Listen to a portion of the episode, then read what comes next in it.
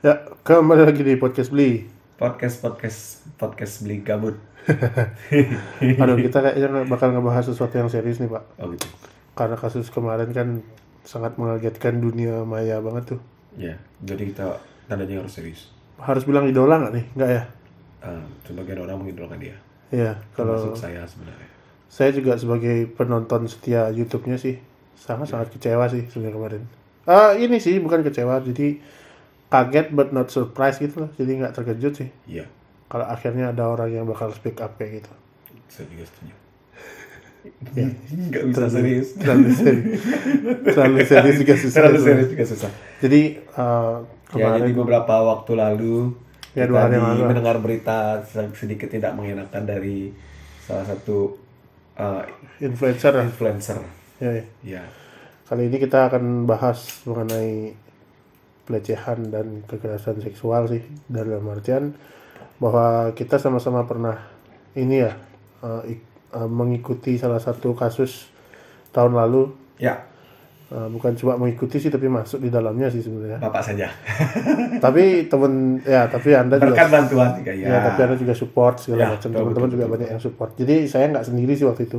Betul, Uh, betul, betul, betul. mengingat kejadian tahun lalu itu kan parah banget ya. Ya mungkin ada yang nanti dengerin ada yang ke trigger kita mohon maaf sebelumnya nih tapi kita memang mau sharing terus kemudian mau sedikit membahas lah eh, sebenarnya apa sih yang terjadi dan kenapa sih kita harus eh, serius banget sama topik ini gitu Ya, kali ini kita akan mengurangi sedikit bercandaan kita karena topik ini serius. dan semua sedang panas sih kita jadi nggak mau menyinggung siapa pun jadi kalau misalkan kalian tersinggung silahkan langsung kabarin kita aja sih Kabarin Bapak lebih tepatnya. tameng banget. Ya. Jadi gini, eh, yang pertama kalau diingat-ingat sih kasusnya eh, yang salah satu influencer kita itu ya influencer itu ya bukan kita ya influencer itu eh, dia dalam keadaan mabuk tuh. Ngakunya dalam keadaan mabuk dalam suatu acara. Terus kemudian terjadilah eh, kejadian itu gitu. Kemudian yang kedua ada salah satu selebgram kita bisa bilang selebgram lah ya. Oke. Yang kita nggak tahu kasusnya sampai sekarang apa cuma itu lumayan rame juga paginya Oke. sayangnya yang rame cuma yang ya nggak tersebanyak yang semalam sih gitu Ya. Ah, karena kan yang malam ini kan influencer kemudian banyak followersnya juga gitu. nah sekarang kita mulai aja nih pak Yuk. Ah, sebenarnya gimana sih sebenarnya pelecehan dan kekerasan tuh kalau menurut saya sih kan karena pelecehan karena kan dia menyebar ya bahkan catcalling aja sudah termasuk pelecehan kata orang. Karena kemarin juga sempat naik tuh masalah catcalling itu. Ya. kalau menurut Pak gimana tuh? Apakah eh, catcalling itu kita mulai dari catcalling aja deh. Eh, gimana menurut Pak masalah catcalling tuh kok kayak masalah di sweet sweetin diajak panggil nama dan segala macam gitu. Kayak mereka agak tersinggung gitu loh. Ya. terutama masalah untuk perempuan ya Ya. Enggak, kita kembali serius. Jadi ini kalau untuk opiniku ya, Eh, sebenarnya catcalling itu sudah ada jauh-jauh jauh-jauh sebelum kita lahir, ya setuju ya kan? Ya. Cuman dari zaman ke zaman dari tahun ke tahun sampai sekarang ya semua orang itu menjadi lebih sensitif akan hal itu semacam itu. ya benar Kalau kita contoh dari zaman dulu, ya kayak di film-film zaman dulu, kayak ada, Hai cewek, kayak gitu. iya iya iya Itu sudah ada. ya Cuman memposisikan diri itu sebagai korban yang dilecehkan itu belum ada. Iya mungkin mereka belum Mungkin tahu ini opiniku ya. iya iya Karena mereka mungkin pertama belum ada edukasi di sana. iya iya Kedua dan kita sekarang lebih banyak pengetahuan karena dunia dunia itu sudah digital semua kan. Ah, Semua iya, informasi itu kita dapatnya cepat. oke Kalau zaman dulu di catcallingin paling apa sih? Bisa pergi. iya bisa pergi ya Ya, kayak gitu. agak kurang sensitif ya dulu ya. Ya, Hmm. lebih kurang sensitif karena mungkin uh, terbatas di informasi. Sensitif itu bukan hal yang jelek ya, maksudnya itu kan Bukan- sebuah bukan sebuah jelek. sebuah perasaan aja. itu gitu. itu sebuah apa Ya ukuran lah. tolak ukur tolak ukur. tolak ukur Iya. ya itu dia Jadi masalah eh, saya pun juga berpikir bahwa kayaknya dulu nggak separah sekarang. tidak sesensitif ya sekarang tidak separah, sesensitif. sesensitif Ya sekarang. sensitif sekarang. Sorry sorry, tidak sesensitif sekarang. Cuma kan eh, ketika itu mungkin ada beberapa kali kasus yang setelah di catcalling terus kemudian eh, tidak dibalas catcallingnya terjadi pada ketersinggungan terus ribut tuh Ya. dan kemudian ada kekerasan yang diterima oleh perempuan juga pernah gitu Iya. ada jadi berkembang banget nih dia. Nah, kemudian oke eh, cat catcalling mungkin segitu aja ya jadi kita memang setuju banget bahwa catcalling itu seharusnya kita dihindari sebagai laki-laki janganlah Iya. Sebagai Tapi laki-laki janganlah ada juga kok cewek yang melakukan catcalling itu ada. kalau perempuan cat mungkin pak. Kalau laki-laki kira-kira apa? Dog. Dog. Calling. Dog calling. Oh, pasti enggak dong. Enggak dong. Jelek dong. Masa, oh, masa jelek. ya gitu kita nggak tahu tuh kalau buat cowok apakah catcalling juga? Kita nggak tahu. Tapi istilah catcalling kepada cowok kita nggak tahu. Cuma Kenapa- itu ada Kenapa pendapat dibilang catcalling? nggak tahu Mungkin karena kita sering manggil kucing. Kalau anjing kan nggak pernah. Kalau kucing kan pus pus pus. ya ya benar Seperti manggil kan, Iya. manggil calling, makanya cat calling kayak manggil calling. Iya. Eh kok kayak manggil Manggil calling? kucing, astaga. Kayak manggil kucing. Iya iya kan. iya iya benar Kalau zaman dulu kalau pakai dog calling kayaknya heli aja deh. Waduh gu gugu kemari Iya. Nah, itu kan? Iya, Iya, tahu juga kan. Iya. Bercanda dikit ya, guys. Biar nggak terlalu serius, nggak bisa serius-serius. jadi kita nggak tahu nih masalah tapi ada perempuan juga yang melakukan hal itu kan hai cowok Ada, mana ada. kan ada ada tapi Ada. nah menurutku juga ini masalah ketersinggungan ini masalah kembali ke diri sendiri sih Kembali ke kesensitifan Iya. sendiri karena kan jujur aja teman saya juga ada yang perempuan uh, dia mungkin ya mungkin sedikit calling ya. Cuma kan sama orang-orang sama teman-teman saya juga ada beberapa yang kayak ya melakukan hal itu. Cuma berada pada suatu titik yang mungkin maksudnya bercanda. Si perempuan dia. juga nerima bercanda. Akhirnya bi- biasa-biasa aja. Nah kesensitifan ini menurutku kembali ke diri masing-masing. Tapi sama halnya seperti kita melakukan body shaming terhadap teman baik itu lucu kalau sama teman baik. ya ya benar Tapi kalau sama teman yang jauh itu jatuhnya kayak penghinaan. selain teman jauh juga sama orang nggak kenal juga. Biasanya Iya. saya di sosial media sih selisih. Kayak tadi pagi itu ada yang uh, ya saya sempat bersinggungan lah sama seseorang. Kemudian uh, dia malah men-shaming tweet saya yang bercandaan mengenai uh, apa sih orang gendut uh, otaknya tidak bekerja dengan baik gitu kan. Terus saya bilang bawahnya.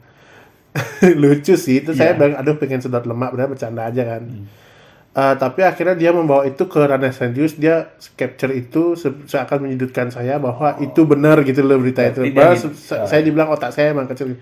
Ah, bagi saya sih itu udah terlalu masuk. Jadi makanya saya bilang oh jadi gini mainnya paling gitu doang. Ya terserah sih Ya, gitu. kan itu emang jurus kalau orang salah kalah debat.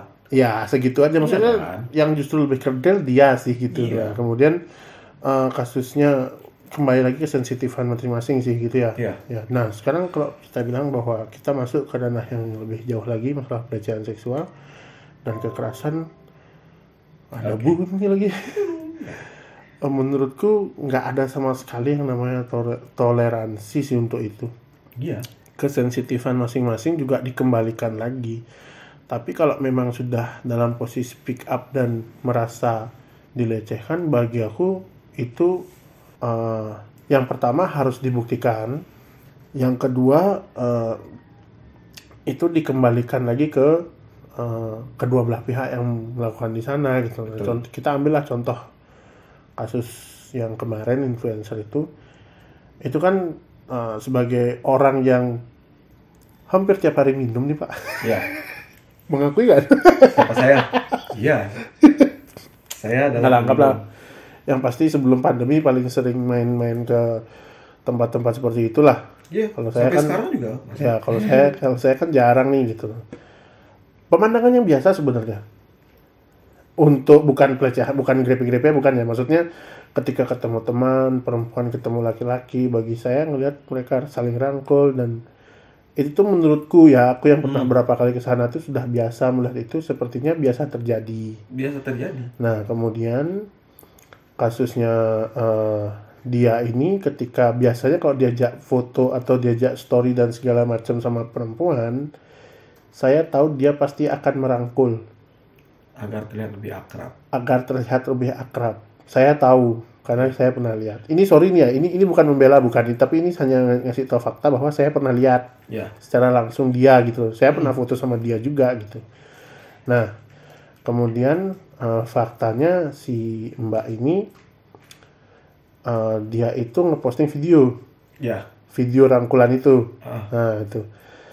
Em, menurut saya ini harus ditelusuri lebih jauh lagi sih Pak. Kalau menurut Pak gimana sebenarnya?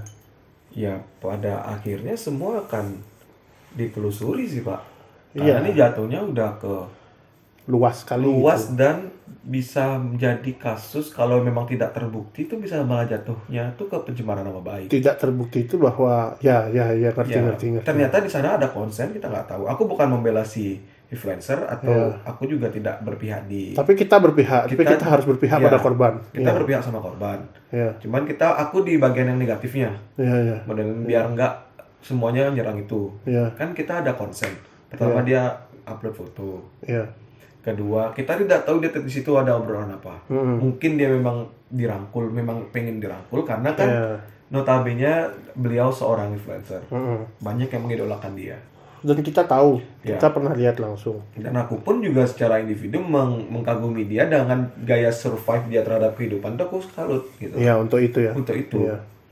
Kalau masalah dia di luar yang kayak di personalnya dia itu kan itu tanggung jawab masing-masing. Harusnya ya. Ya. Mm.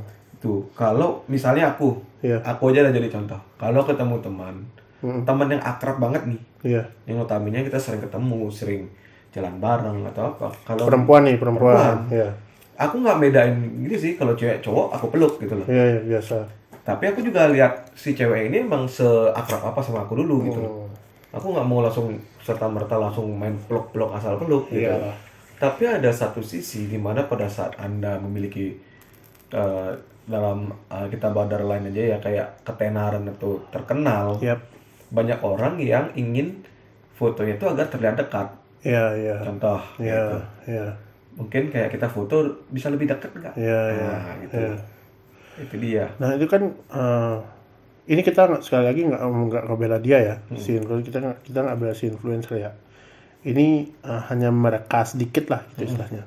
Nah kemudian eh, yang yang yang yang terjadi adalah korban kemudian speak up kemudian rame dan kemudian ada terjadi cancel culture di situ jadi semua wah pokoknya di cancel habis-habisan lah gitu ya. Nah eh, ini kan kalau bisa dibilang sepele juga besar pak. Nggak boleh hal hal pelecehan itu tidak bisa disepelekan. Ada yang bilang sepele gitu loh maksudku. Hmm, ada, ada yang bilang pasti. sepele nggak bisa gitu Nggak karena bisa. ini besar banget ya. Pelecehan itu tidak ada yang yang ringan. Bayangin ya sepele pak. Kalau Semaradona lebih ini lagi. Aduh. Baru sepele kan? Iya sepele baru Semaradona nih. Belum seayam. Jadi tidak tidak tidak ada toleransi di sana. Nah kemudian kita harap sih eh, ini benar-benar menunjukkan kebenaran yang benar yang pasti gitu loh. Mm-mm. Karena eh, ini terlalu luas. Kemudian juga kemarin eh, ada salah satu ya kita nggak bisa bilang influencer ya orang paling ngeselin sejagat raya waktu dia ngeluarin kasus Anjay itu loh. Mhm. Dia kan pansos banget tuh. Ya Ya. menurutku eh, dia akan merusak ini sih kalau misalkan dia terus akan masuk di situ merusak sih saya kita harap sih korbannya tetap eh, stay stay down gitu maksudnya tetap tenang menyelesaikan kasus itu gitu. nah kita mau bilang bahwa dari reka-reka kita tadi eh, kita ingin ngajak eh, jujur aja aku pengen ngajak beberapa perempuan dan terutama laki nantinya Ngajak perempuan. ngajak perempuan untuk Oh. eh, yang pertama lebih baik kita mencegah deh Ya. mencegah daripada kita harus melaporkan karena gini eh, kita bawa lagi ke ranah yang melaporkan tahun lalu waktu kasus itu si inisial GA Si force. inisial Hudi Fauki Ah, iya, siap. Hudi Hu, Hudi Fauki itu yang di Twitter yang aku Si si si force eh, mobil Porsche. iya si Porsche Si Porsche. si Porsche masuk gang jadi jadi dia itu dengan berbagai kasus yang besar Mm-mm. ternyata tidak me, tidak inilah tidak menye- tidak membuat dia jerah Ya. sampai akhirnya aku dan teman-teman semua di Twitter dan di real life juga dengan bantuan mereka kita berhasil lah membuat dia jerah sebenarnya dan membantu salah satu mantannya dulu Mm-mm. untuk keluar dari lingkarannya dia gitu.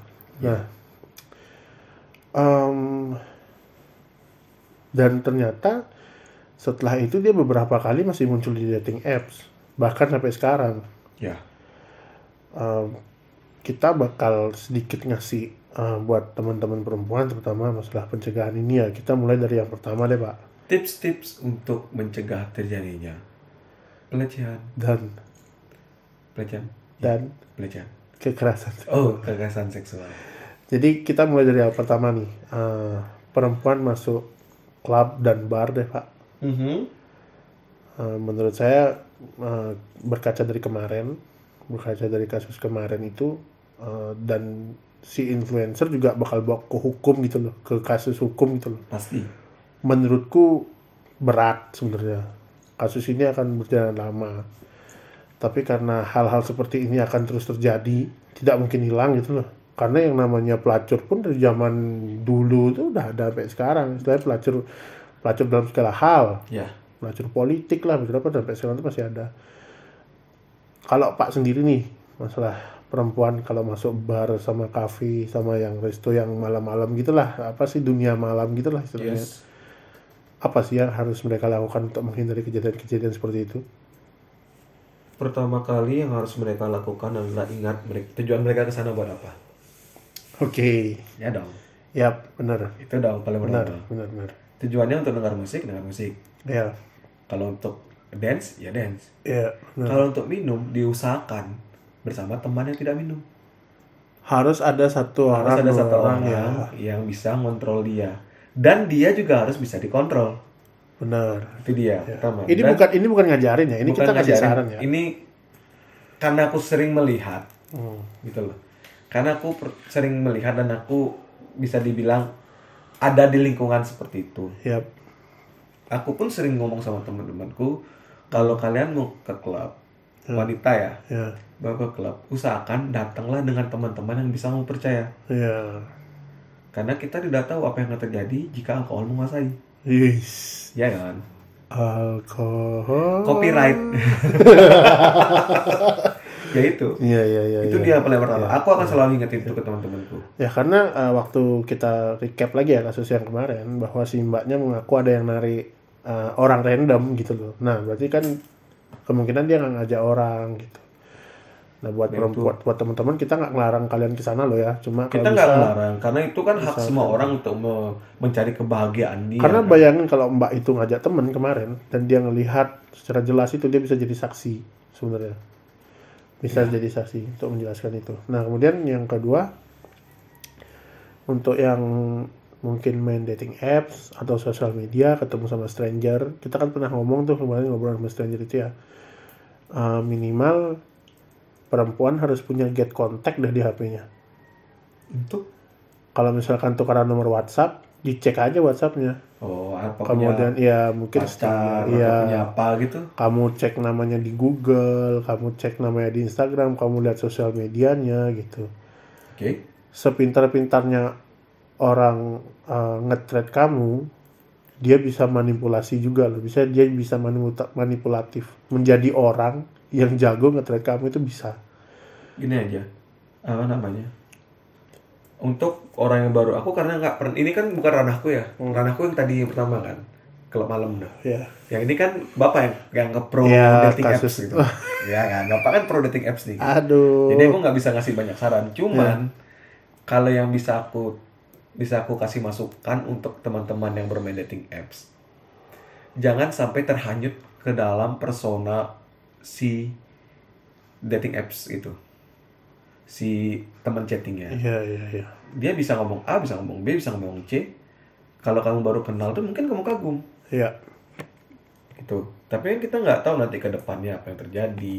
iya mungkin kata kata kata yang lebih simpelnya jangan cepat baper gitu aja iya benar benar jangan cepat baper ya kita harus harus harus cari tahu dulu orangnya sejauh-jauh mungkin sejauh-jauhnya. bukan itu artinya kita menanamkan hal yang pikiran yang negatif ya cuman kan lebih baik lebih baik waspada kadang ya, ya. bisa ya itu makanya kan sesuai dengan judul ini dia. kan kita lebih baik mencegah jangan dulu itu jangan sampai yang niatnya mencari kebahagiaan malah Malah malapetaka ya, gitu. malapetaka. Ah, jadi jujur aja nih ki- ah, mau share dikit juga masalah si inisial si Porsi itu, Hmm. si Porsi masuk gang itu adalah si GA alias Sudi Ufoki itu. Ya. Ternyata saya ketika kemarin kasusnya influencer naik, foto dia kan naik lagi tuh, yang Hmm. 10 cowok berkacamata itu. Ya. Ternyata ada yang nge-DM saya, Pak.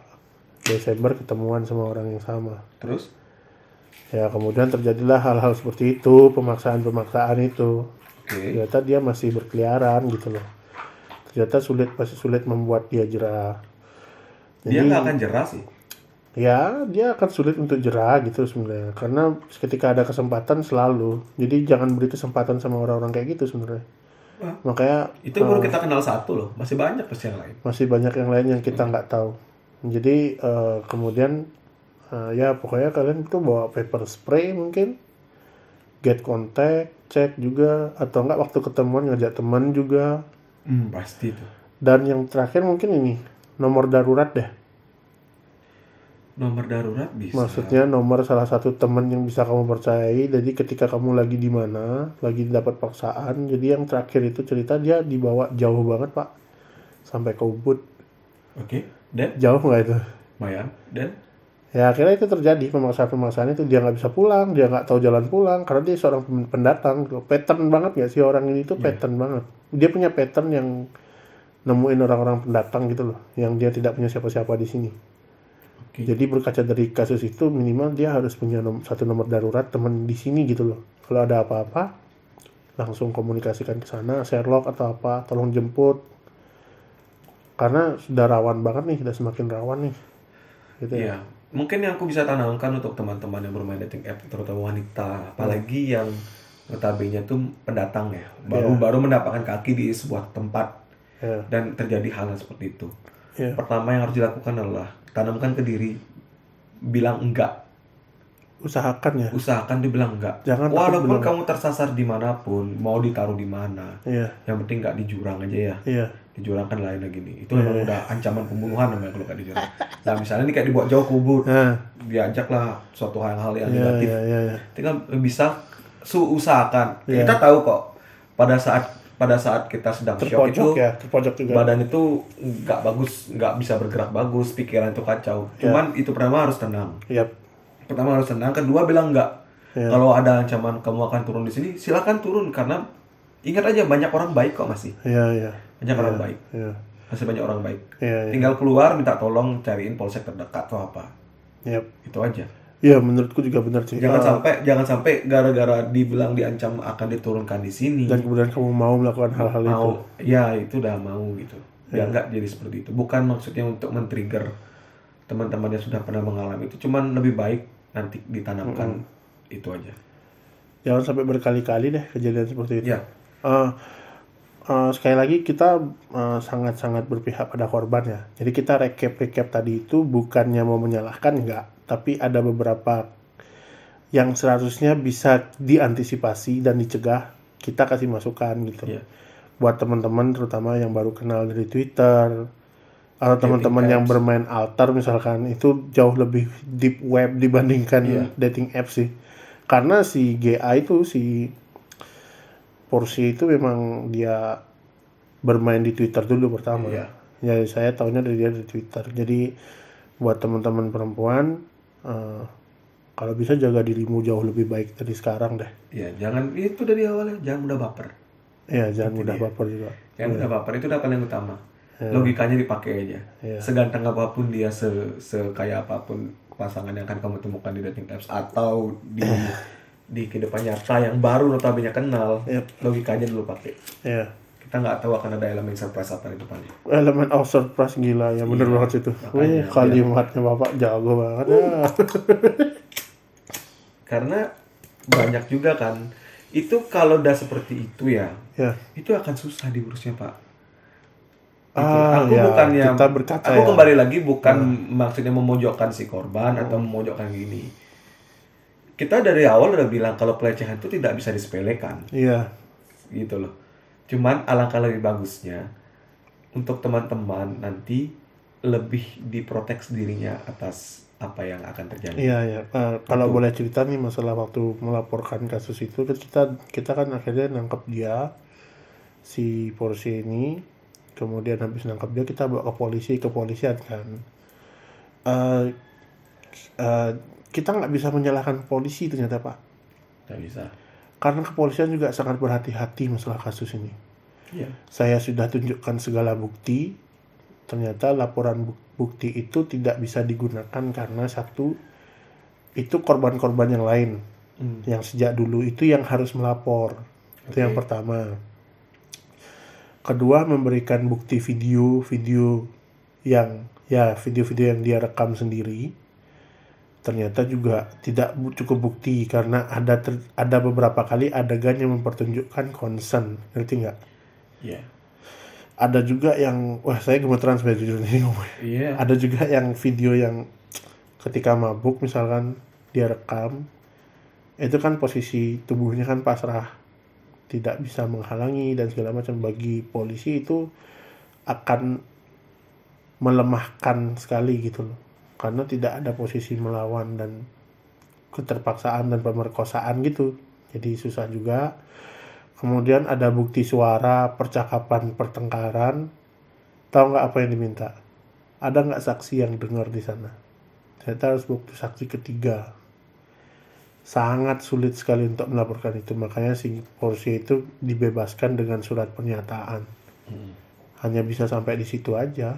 Dan teman-teman juga saya saya bisa bilang kesulitan di situ dan undang-undang RUU P, apa PKS RUU PKS yang lagi digodok itu menurut saya juga masih ada kekurangan jadi untuk saat ini memang sebaiknya mencegah Jauh. mencegah Lebih baik mencegah dari awal. Dari aku hidup udah dikasih tahu. Lebih baik mencegah daripada mengobati. Kata mencegah itu selalu ada di depan. klasik sih sebenarnya Iya.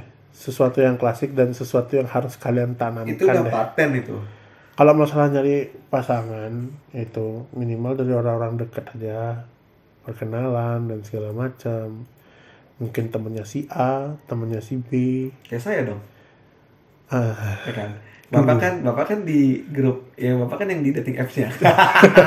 bapak kan di grup dating apps. ya sebenarnya saya beberapa kali pernah menggunakan dating apps dan ketemu teman ketemu orang sih kalau nggak lanjut ya jadi teman jadi ekspektasi kalian untuk hal-hal seperti itu tuh jangan terlalu jauh juga jadi kalian tahu ukurannya sampai mana harus berbuat apa gitu Kebanyakan yang korban seperti itu mungkin dia pertama kali mengalami seperti itu.